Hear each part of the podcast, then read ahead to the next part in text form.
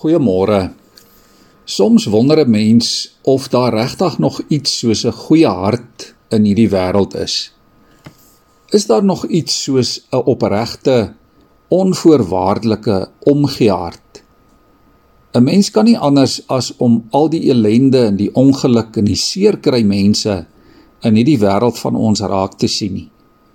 Dis regtig onmoontlik om dit mis te kyk.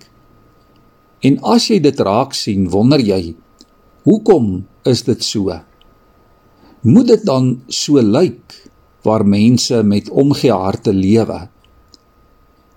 Vanoggend, liewe vriende, weet ons tog dat daar omgee harte in hierdie wêreld van ons is. Ons wêreld het nie totaal harteloos geword nie. Nee, daar is nog duisende mense wat met deernis en opregte liefde en respek en waardering teenoor medemense leef en optree. Gisteroggend het ons stil gestaan by die pragtige loflied van Maria in Lukas 1. In die tweede deel van haar lied bely Maria wie die God is wat groot dinge aan haar gedoen het. In vers 50 sê sy: God is die God van ontferming. Die God wat hom oor mense ontferm. En sy ontferming strek oor geslagte heen. Die ongehoorsaamheid van mense en die weerstand in mense se harte kan nie God se karakter verander nie. Dit kan nie maak dat hy minder ontfermend optree nie. Hy is wie hy is. Hy het 'n hart vir mense. En sy ontferming strek oor die hele geskiedenis en deur die eeue tot vandag toe. Die psalmdigter sing daaroor in Psalm 103 waar hy sê: Barmhartig en genadig is die Here, lankmoedig en vol liefde. Hy sal ons ons sonde nie bly toereken nie. Hy sal nie vir ewig toornig bly nie. Die Here handel nie met ons volgens ons sondes en vergeld ons nie vir ons ongeregtighede nie.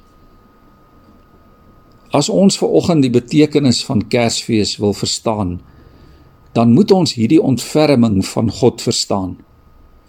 Dan moet ons verstaan dat God 'n sagte hart het en dat sy hart vol liefde is vir ons en vir die skepping. Sy hart klop warm vir sondige mense. En sy hart is groot en ruim genoeg sodat daar 'n plek is vir almal wat hom in gehoorsaamheid aanvaar en erken as skepper en verlosser. Dis belangrik dat ons in hierdie feestyd mooi en fyn en aandagtig luister sodat ons God se hartklop kan hoor. Sodat ons self sensitiewe harte sal ontwikkel vir die tyd en die wêreld waarin ons is. Kom ons buig ons hoofde so saam voor die Here.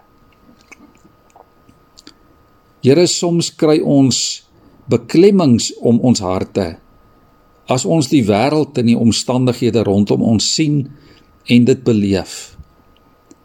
Ja Here, die harteloosheid rondom ons maak ons bang.